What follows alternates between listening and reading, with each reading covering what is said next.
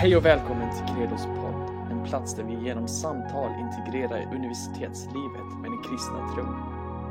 Idag kommer ni få lyssna på en inspelning av en föreläsning av Joel McInnes under titeln Gender, tro och evangeliets hopp. Där kommer han ta upp ämnen kring genus och identitet.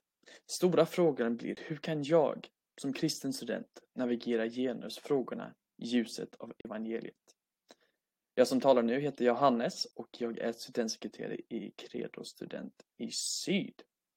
Och häromveckan letade jag efter en bok och gick in på en biblioteks hemsida och bredvid informationen angående Corona och nya titlar så fanns det en flik för HBTQ boktips för barn, ungdomar och vuxna. Detta bekräftade att detta är ett område där det finns många frågor oavsett om man är kristen om man är student, vuxen, ungdom, lång, kort. Ja, men det spelar ingen roll. Och på senaste år har de här frågorna kring genus snabbt vuxit fram. Det jag tycker det är svårt att hänga med. Du kanske känner samma sak. Men vad säger Bibeln om genus? Och vad är nyckelkoncepten i dessa frågor? Då är jag glad att presentera Joel McInnes som jobbar för Credo Student som föreläsare och teolog att ta över och inspireras oss under titeln Gender, tro och evangeliets hopp.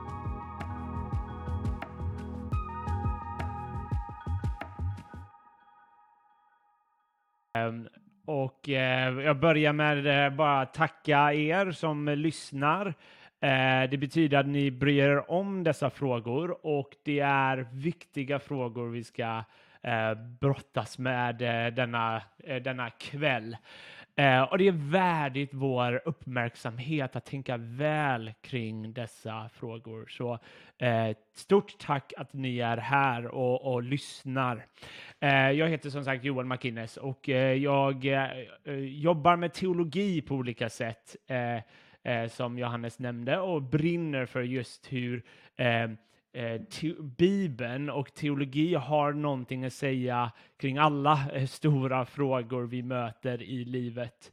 Eh, och inte minst frågor om genderidentitet. Så jag är alltid fascinerad. Hur, hur integrerar vi den kristna världssynen med alla stora frågor vi bemöter i vårt samhälle?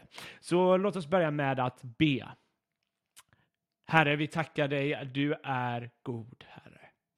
Herre, du vet vad som försiggår i våra hjärtan och våra tankar och det här är ett ämne som är ett känsligt ämne, Herre. Och Herre, vi ber att du ska komma med klarhet, Herre, att, eh, att eh, du ska öppna våra hjärtan och våra sinnen och våra öron för vad du har att säga, Herre. Hjälp oss att tänka väl eh, om dessa ämnen, Herre. Eh, och, eh, och hjälp oss utmanas där vi behöver utmanas, Herre. Eh, så vi ber den här stunden, den eh, får vara en stund som är till din ära och uppbyggelse för oss. I Jesu namn. Amen.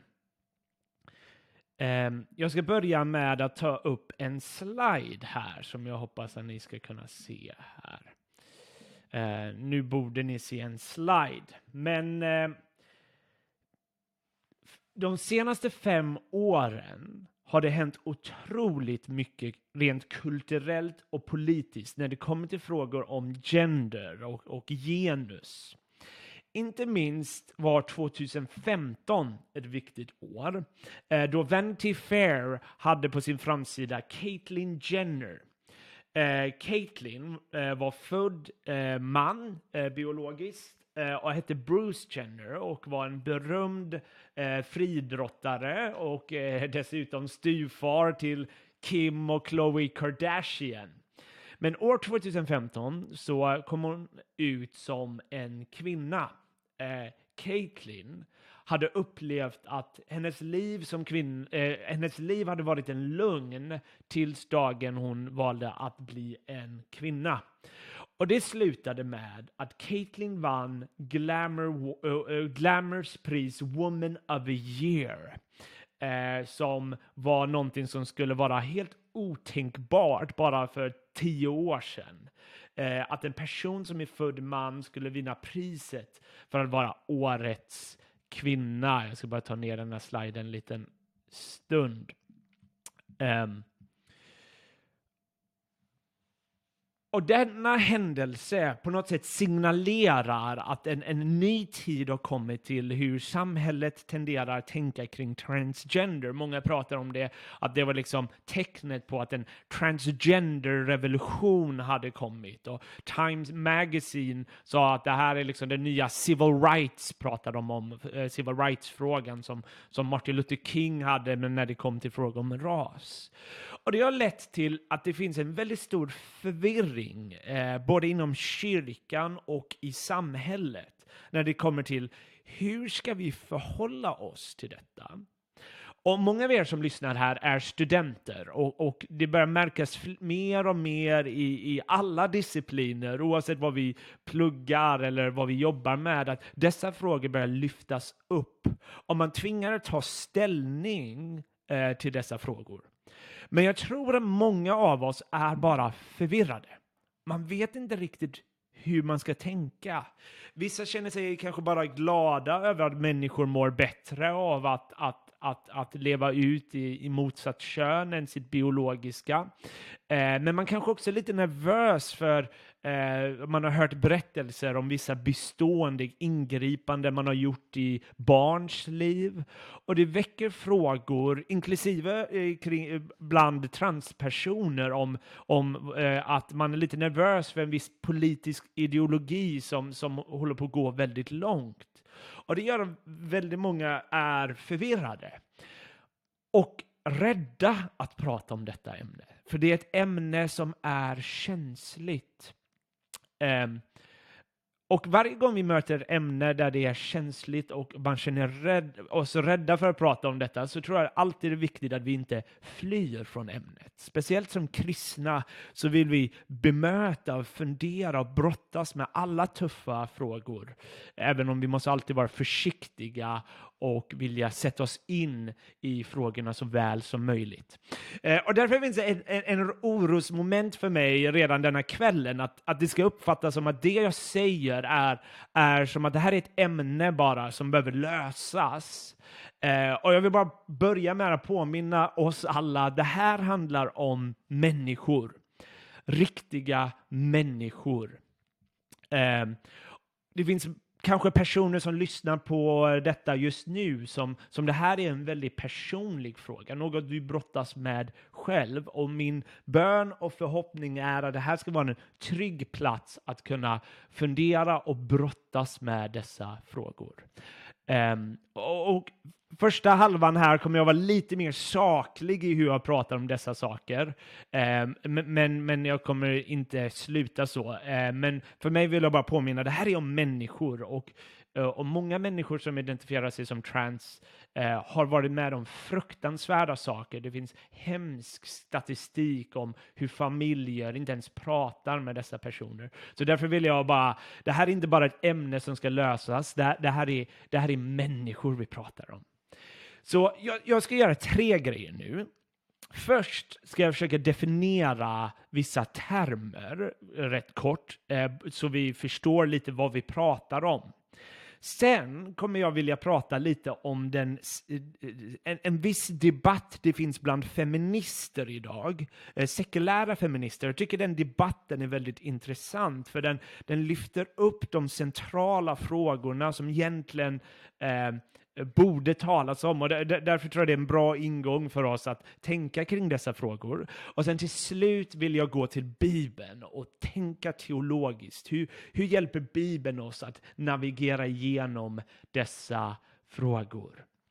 Och Eh, det här är kontroversiella frågor och, och, du behöver inte hålla med eh, vad jag kommer säga idag, men jag är tacksam att, att eh, oavsett hur du landar i dessa frågor, att, att du, du lyssnar. För jag tror en av de stora grejerna vi behöver göra idag är att vi behöver lyssna på varandra. Eh, lyssna in andra perspektiv eh, så vi kan förstå den här situationen lite bättre. Så låt mig ta fram min slide igen. Eh, så finns det några termer jag, jag bara tror är hjälpsamt att definiera. För eh, när man sätter sig in i de här, eh, eller när man hör folk prata om frågor om gender, genus, så kan det vara väldigt förvirrande, för det är alltid nya termer och det är svårt att veta vilka termer man ska använda, vilka ord man ska använda. Eh, så, så, så, jag vill bara börja med klargöra några begrepp, huvudbegrepp, eh, som kan vara viktiga att ha med sig när vi funderar på dessa frågor. Och det första begreppet är det som kallas könsdysfori. Könsdysfori är den upplevelse som, som många människor har, där man upplever att en psykologiska och emotionella kön inte passar ihop med sitt biologiska kön. Och detta tillstånd är för många väldigt, väldigt tufft och intensivt, där man känner av det eh, i varenda rum man är i. Vissa som brottas med könsdysfori känner det svagt, medan andra känner det väldigt, väldigt starkt. Eh, folk som brottas med könsdysfori gör olika saker med det. Vissa väljer att vilja leva kvar i, i sitt biologiska kön och vissa väljer att inte göra det. Och det leder till den, den, andra termen som är bra att känna till, som är transgender, som, som är en paraplyterm för olika saker. Eh, transgender är egentligen inte bara en sak. Eh, transgender är människor som väljer att presentera sig på något sätt som egentligen förknippat till sitt motsatta biologiska kön. Eh, och det kan finnas olika varianter av detta. Det kan vara allt från den som klär sig eh, i kläder som är kopplade till motsatt kön till den personen som gör en operation eh, som skulle vara liksom kanske det största ingripandet. Sen finns det folk som har det bara för eh, man blir upphetsad av det, men det är inget man har med i sitt vardagsliv. Eh, så transgender kan innefatta olika typer av personer och det är viktigt att vi, vi inte tolkar det som en, en grej. Och därför är det viktigt att skilja detta från det som kallas intersex. Intersex, eller intersexualitet, är det tillstånd då, eh, då ens faktiskt biologiska kön är oklart. Intersexualism beskriver eh, liksom när ens liksom, eh, kropp eh, kanske har karaktäristiska drag från både män och kvinnor, eller att, att det är väldigt oklart. Och därför är det väldigt viktigt att säga att detta är inte vad vi pratar om idag. Eh, många som driver, eh, många, eh, många som driver en viss politisk agenda gällande dessa frågor använder ofta intersex som ett sätt att vilja bevisa sin tes. Och jag har hört från, från många eh, som har intersex som säger nej, eh, använd inte oss för era politiska agendor. Så, så det, då är det viktigt för oss att prata om att det inte, inte det är inte intersex som vi pratar om idag. Och cis-person är då en person som jag som eh, identifierar mig själv med mitt biologiska kön. Det är vad de flesta människor är. Men bakom alla dessa frågor ligger distinktionen mellan biologiskt kön och det som kallas genus eller könsidentitet. Där biologiska kön är lite uppenbart vad det innebär, men genus eller ens könsidentitet handlar då om hur man identifierar sig själv psykologiskt och emotionellt. Så genus handlar om eh, ibland stereotyper, vissa förväntningar man har på män och kvinnor och om man vill leva ut de förväntningarna. Och jag tar bort min slide igen. Så det finns en stor fråga i bakgrunden kring dessa frågor. Vad är det som avgör vem jag är? Är det min kropp eller min innersta övertygelse? Vad är, vad, vad, vad, vad, vad är det viktigaste i bedömningen av vem jag verkligen är? Eh, och det är frågan vi vill brottas med, både teologiskt och fiolo, eh, filosofiskt. Eh, och det intressanta med den här frågan då är att det här är inte bara en debatt bland kristna, eh, utan det här är en debatt i den sekulära världen. Eh, och den är mer intensiv än vad man kanske får bilden av om man bara läser liksom media. Eh, ta till exempel den feministiska rörelsen. Eh, min uppfattning är att väldigt många har bilden av att den feministiska rörelsen och transrörelsen är eniga och har väldigt mycket gemensamt. Men när man läser många av de mest prominenta feminister så kommer man upptäcka att här finns enorma skillnader bland de mest prominenta feminister. Och det rör sig om vad innebär det att vara en kvinna? Vad innebär det att vara en man? Som gör att man har kommit till radikalt olika påståenden. Och, och innan jag bara presenterar det så vill jag bara säga att, att Ibland kommer jag använda ordet transaktivist och det för mig är inte meningen vara laddat, men när jag pratar om en transaktivist så är det inte transpersoner jag pratar om. Många transpersoner är inte transaktivister, men, men eh, om jag nämner begreppet transaktivist så är det ofta personer som driver en viss ideologisk agenda bra eller dålig, men många som driver dessa frågor offentligt väldigt mycket. Och, många av dem tenderar att vara cis-personer, men det kan vara bra att ha med det i bakgrunden när jag presenterar eh, eh, de olika sidorna inom feminismen. Så, så man kan säga att det finns två olika positioner bland feminister idag. Eh, den första positionen eh, är en position som har på ett sätt vunnit kulturen som eh, många av universiteten i USA och England är präglad av. Den menar att kön, allt med kön, är en social konstruktion. Det är något samhället har konstruerat och därmed inget som binder oss. Ta till exempel färgen rosa och blå. Eh, idag identifieras ofta färgen blå som, som, med män och rosa med kvinnor. Men bara för hundra år sedan var det tvärtom. Rosa var den manliga färgen och blå var den kvinnliga. Och det är uppenbart att samhället har format hur vi tänker kring vad det innebär att vara en man och en kvinna. Och så pass långt håller nog de flesta med om att, att mycket av vad vi tänker är man och kvinna är social konstruktion.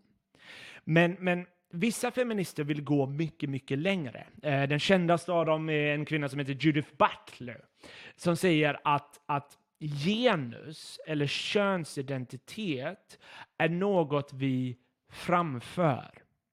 Hon använder ordet perform. Att vara en kvinna är något man framför, något man perform då. Kulturen dikterar för oss vad det innebär att vara en man och vad det innebär att vara en kvinna. Och i så fall är det en social konstruktion och om det är en social konstruktion så behöver vi inte anamma det. Men det ger också möjligheten att vem som helst kan anamma det som man vill, oavsett ens biologiska kön. För det finns inget som är kvinna, kvinnligt eller man, manligt. Så att vara kvinna enligt Butler är mer en show eh, som vi gör, eller att, att, vara en man då, för min del. Det är mer en show än något man verkligen är. Det är en konstruktion vi väljer och därmed kan vi göra vad vi vill med det. Så eh, eh Butler går till och med så långt att säga att till och med den biologiska könet är en social konstruktion. Och det finns tidigare feminister som Simone de Beauvoir som, som verkar anse att naturen och biologi är en tyrann som, som, som hon beskriver nästan som en fiende mot kvinnan. Så, så dessa tänkare menar att, att, att binda sig till den här binära världen av man och kvinna, att det finns två kön, eller att man kan födas med ett bestämt kön, är att anamma en, en viss form av förtryckande heterosexuell norm. Att allt ska definieras utifrån heterosexuella kategorier. Och det menar de är förtryckande. Och det man märker då att, att det finns ett, ett visst antagande kring människa och identitet i bakgrunden. I det här sättet att tänka finns ett visst sätt att se på världen och hur vi människor lever ett gott liv och blomstrar i denna världen. Så, så i bakgrunden i det här sättet att tänka är att, att sättet att blomstra, sättet att bli fri är att gå inom oss och upptäcka vem vi verkligen är. Och för att kunna leva livet fullt ut måste vi upptäcka vem vi är och leva ut det. Så blomstrar vi, så blir vi fria. Och vi får inte låta andra, samhället, kultur diktera vilka vi verkligen är. Utan det är bara jag som individ som kan avgöra detta. Och, och, och, på många sätt så är det här en generell kulturell trend som, som vi ser i allt från Disney-filmer till annat. Eh, och, och på ett sätt så innebär det på det här synsättet att det är mitt psykologiska tillstånd, mitt psykologiska jag som trumfar min biologiska kropp. Min kropp är så sett inte avgörande för min identitet. Utan det är hur jag känner och upplever, det är min inre övertygelse. Och för psykologiskt välmående så måste jag anamma den. Psykologi trumfar biologi. Så, så det är första positionen. Den andra positionen anser det här sättet att se på saker väldigt problematiskt. Ta till exempel när Caitlyn Jenner blev årets kvinna. Så reagerade många prominenta feminister, till exempel Germaine Greer, en jättekänd legendarisk feminist. Eh, hon reagerade väldigt hårt att Caitlyn Jenner vann priset för årets kvinna. Och hon sa det är återigen män som försöker bli bättre på oss, eh, på allt, inklusive att vara en kvinna.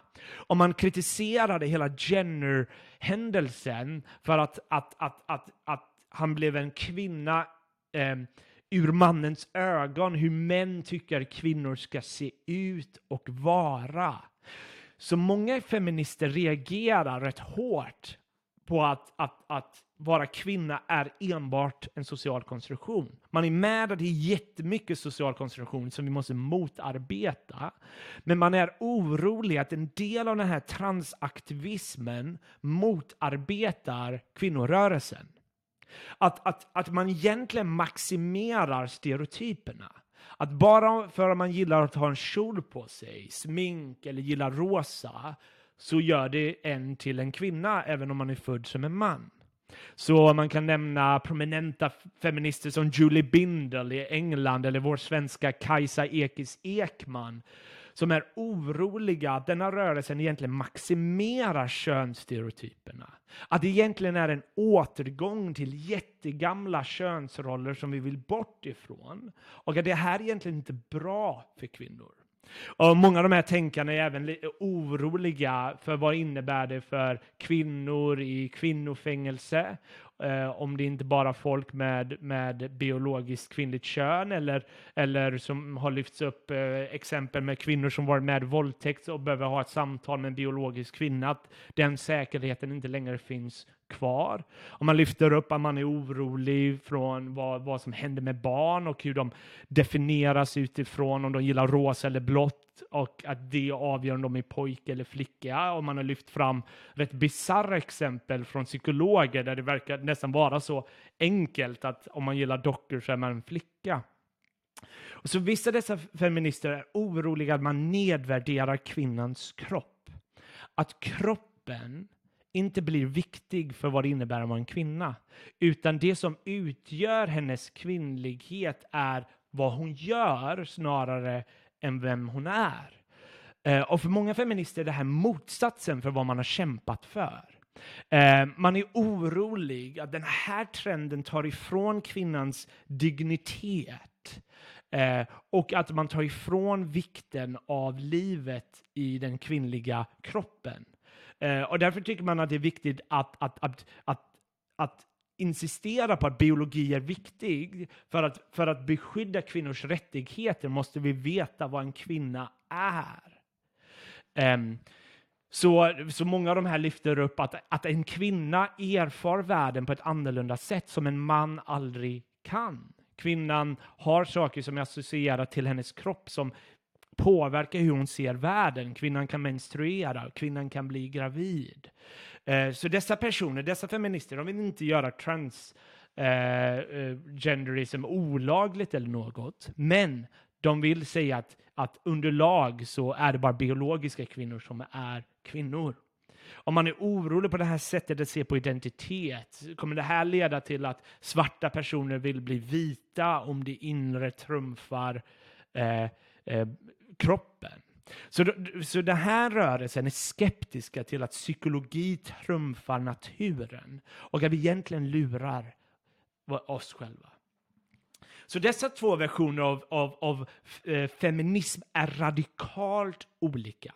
Det representerar väldigt olika bilder av vad det innebär att vara man och vad det innebär att vara kvinna. Och bakom dessa frågor är frågan om identitet.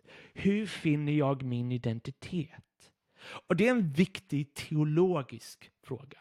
Vad har Bibeln att säga om hur vi finner vår identitet? Vad har den att säga om våra kroppar?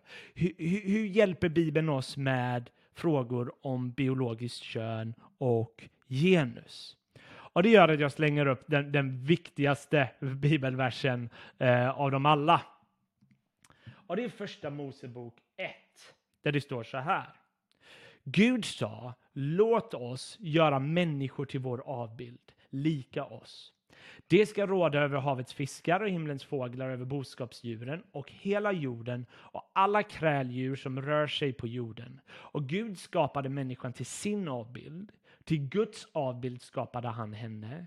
Till man och kvinna skapade han dem. Och Gud välsignade dem och sa till dem, var fruktsamma och föröka er. Uppfyll jorden och lägg den under er. Råd över havets fiskar, himlens fåglar och alla djur som rör sig på marken. Det första vi noterar här är att Gud har gett en dignitet till människan som inget kan ta ifrån den personen. Jag tror det är viktigt att börja med det. Oavsett om du är en cis-person, en transperson, en person som brottas med könsdysfori. Du är fullt ut skapad till Guds avbild. Och oavsett vem du är, vad du har gjort, så kan inget ta ifrån dig den digniteten.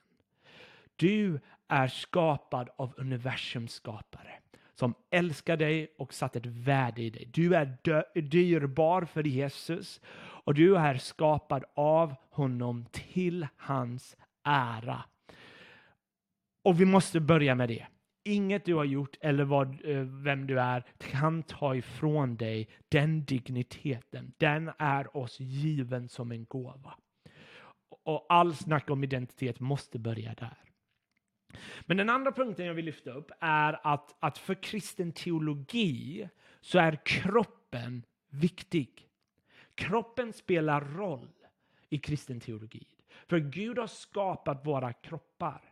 Jag tror att kristendomen har ett hopp som sekulär feminism inte har. Ett hopp för våra kroppar. Den har goda nyheter för kroppen och för livet i kroppen. Gud skapade kroppar och förklarade dem goda. Gud blev själv en människa och klädde sig i en kropp och Jesus dog i sin kropp och återuppstod med sin kropp till helhet. Och kristendomen har märkligt nog anklagats ibland för att vara anti-kroppen. Men det är exakt motsatsen som är sann. Vissa kristna kanske varit det, men, men Nya Testamentet är radikalt bekräftande av kroppen. Vid det tillfället skriver Paulus till och med att kroppen tillhör Herren. Och kroppen har en viktig roll att spela i, i Guds berättelse. Och det här begreppet att vi är skapta i Guds avbild, det begreppet är förknippat med något fysiskt. Eh, det är inte bara vår själ. Vi eh, i, kropp, eh, i våra kroppar är skapta till Guds avbild. Och i texten så, så verkar det som att, att, att kön har en viktig roll. Att han skapar dem till man och kvinna. Att den biologiska verkligheten och vad det innebär att vara man och kvinna är, är viktig. Ehm, och, och, det bekräftas senare där han skriver att, att, att eh, de ska föröka sig som anspelar på deras fysiska liv ihop. Att biologiskt kön är en del av Guds goda skapelse. Och det är viktigt att inse att Jesus, när han vill att vi ska tänka väl om, om, eh, eh om sådana här frågor, så tar han oss till skapelseberättelsen. Jesus citerar skapelseberättelsen när han, skriver så här, när han säger så här. Ha, han svarade, har ni inte läst att skaparen från början gjorde dem till man och kvinna? Alltså Jesus ser man och kvinna som någonting som är del av Guds goda skapelse, som vi inte ska se lätt på. Och, och därför tror jag att, att, att, att livet i sin biologiska kropp har ett värde i Bibeln. Det är därför jag tror det finns gammaltestamentliga bud mot att man ska egentligen klä sig till motsatt kön. Så Nya testamentet verkar betona att kroppen är en gåva från Gud. Paulus kan till och med skriva första Korinthierbrevet 6. Eller vet ni inte att er kropp är ett tempel för den heliga ande som bor i er och som ni har fått av Gud? Ni tillhör inte er själva. Ni är köpta till ett högt pris. Ära då Gud med er kropp. Eh, starka ord. Och jag tror det är viktigt att vi kristna bekräftar skapelsens godhet. Kristna har alltid mött motstånd mot rörelser som har velat vara skeptisk till kroppen. Eh, en av de första rörelserna som kristna, kristendomen kämpade emot var en rörelse som hette gnosticism, som var som en, en, en, en sekt, en, en, en elitistisk grupp som, som hade anammat en grekisk filosofi där man sa att allt som är fysiskt, kroppen, eh, den skapta världen, den är dålig, den är äcklig. Det enda som är bra i själen, den inre springan inom oss. Och även gnostikerna ville utradera könskategorier. Men det blev inte bra för kvinnor, för, för i praktiken när de utraderade könskategorier så blev det att kvinnor skulle imitera män. Kvinnor skulle bli män. Men kristendomen har alltid varit för kroppen, för livet i kroppen. Jesus klädde sig igen och återuppstod. Det är Guds stora ja till kroppen. Och jag tror det är väldigt viktigt då jag tror vi lever i en kultur som är anti kroppen. Eh, ibland kan man få bilden av vår kultur avgudar kroppar, men jag tror egentligen motsatsen är korrekt. Eh, Bibeln, eller kulturen kanske avgudar de här onaturliga kroppar och uppmanar oss att vara helt fixerade till att nå upp det här onaturliga idealet genom att anpassa våra kroppar efter ett ideal. Och här tror jag att kristendomen egentligen har goda, eh, goda nyheter för alla som brottas med sina kroppar, med alla som ser sig i spegeln och känner förakt för sina kroppar. Här ser vi en Gud som älskar vanliga kroppar, som har kommit för att återlösa dem. Men Bibeln berättar om att saker har hänt sen skapelseberättelsen.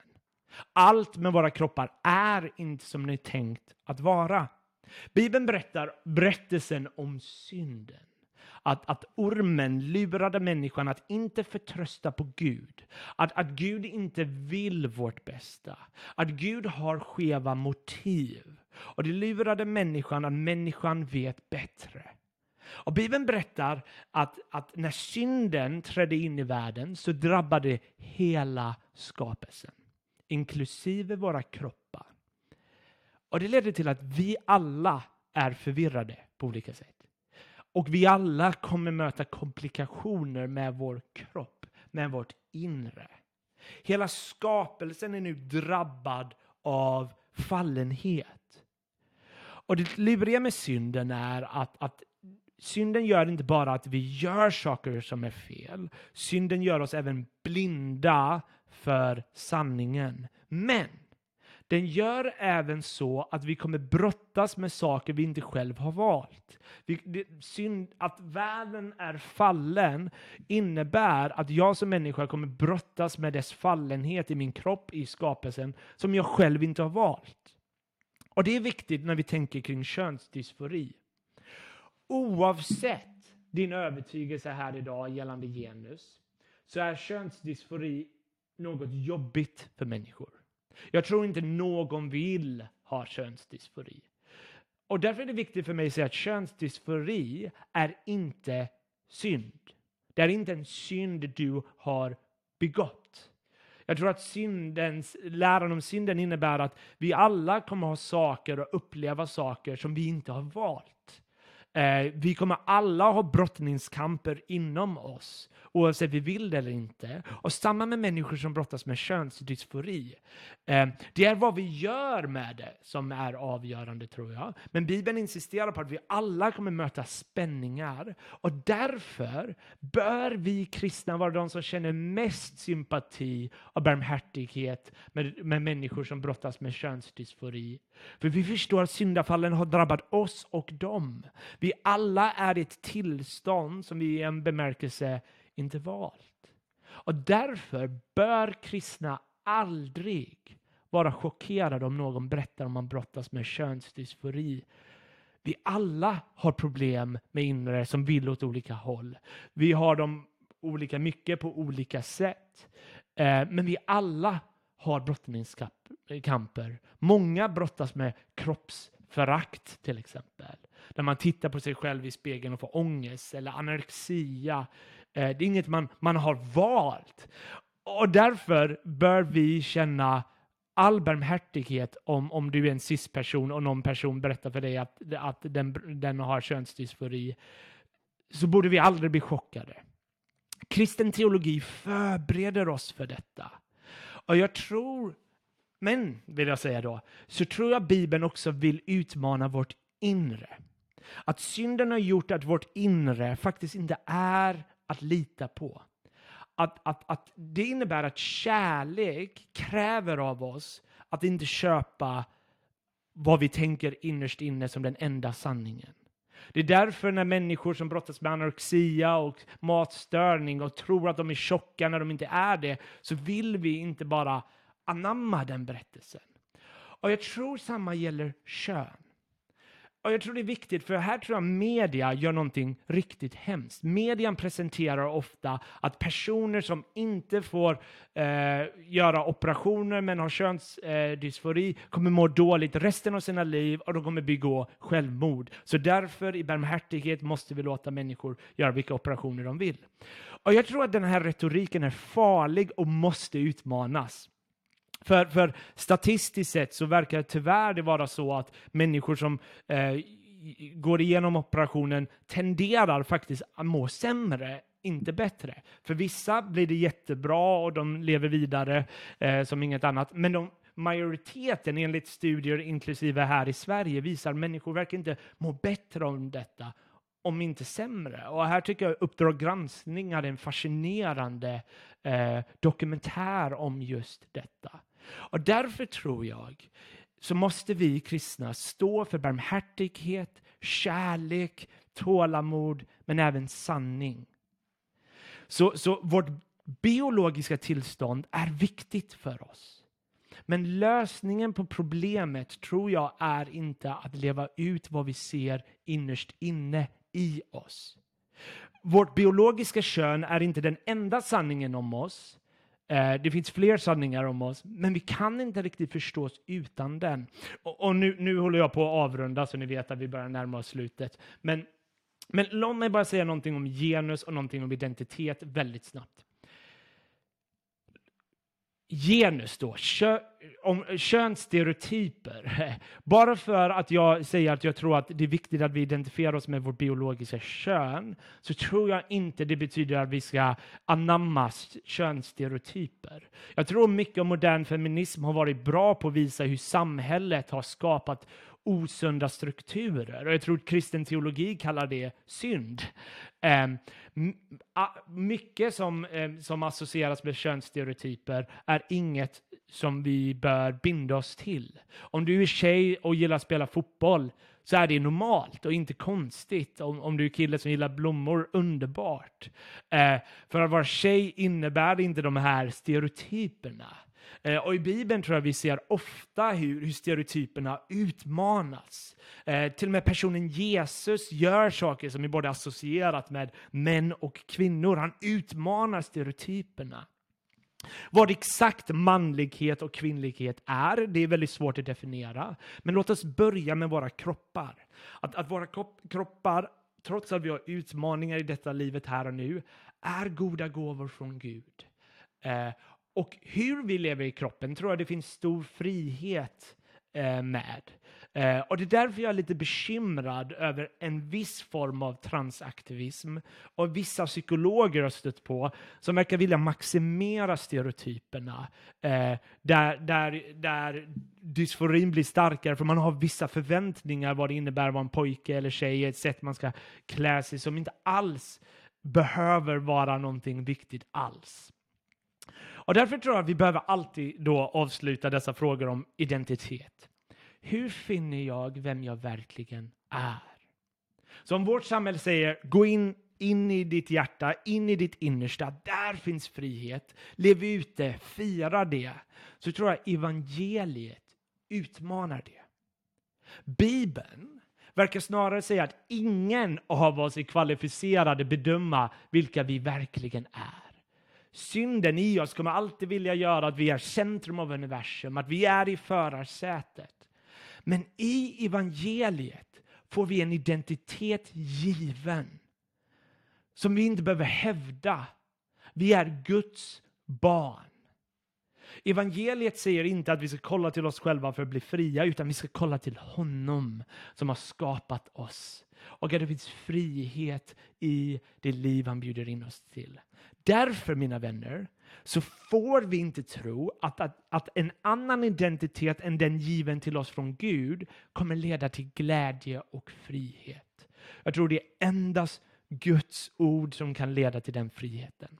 Så om du är här som brottas med könsdysfori så vill jag bara säga du är så älskad, du är så värdefull. Eh, Eh, och, och, du behöver inte hålla med mig eh, och vad, vad jag sagt här. Men om det är så att kyrkan har felat dig så vill jag bara be om förlåtelse. Och jag vill säga att även om det finns sunk, mycket sunk i kyrkan så finns det många bröder och systrar som vill bära dina bördor med dig. Du ska aldrig behöva vara ensam. Och om du lyssnar här och Eh, känn dig fri att höra av dig till oss, även om du inte håller med oss. Vi vill höra din story, vi vill bara lyssna på dig, för du, du spelar roll. Du spelar roll för Gud och därför spelar du roll för oss. Och jag vill säga att kristendomen har något för dig. Den erbjuder dig som, något som inget annat kan. Kristendomen ger dig kategorierna för varför du inte känner dig hemma i din kropp. Våra kroppar har spänningar.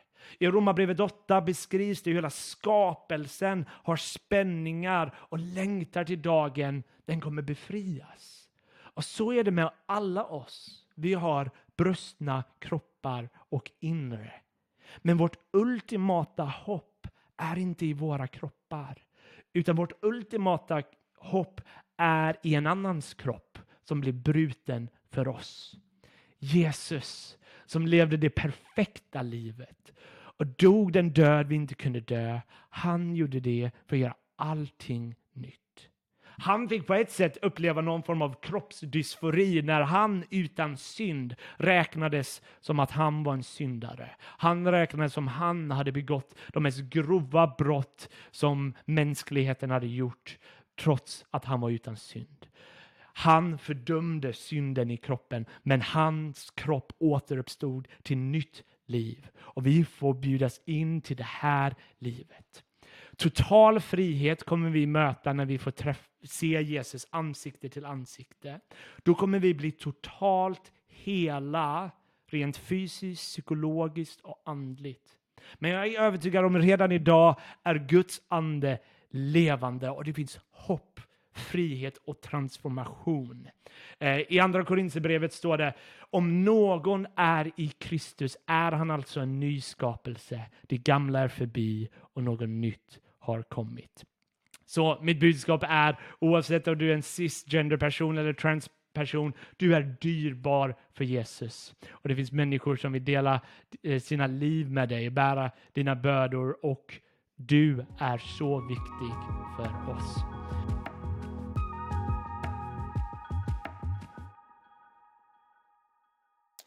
Det var allt för idag. Så tack till dig som har lyssnat på denna förinspelade föreläsning.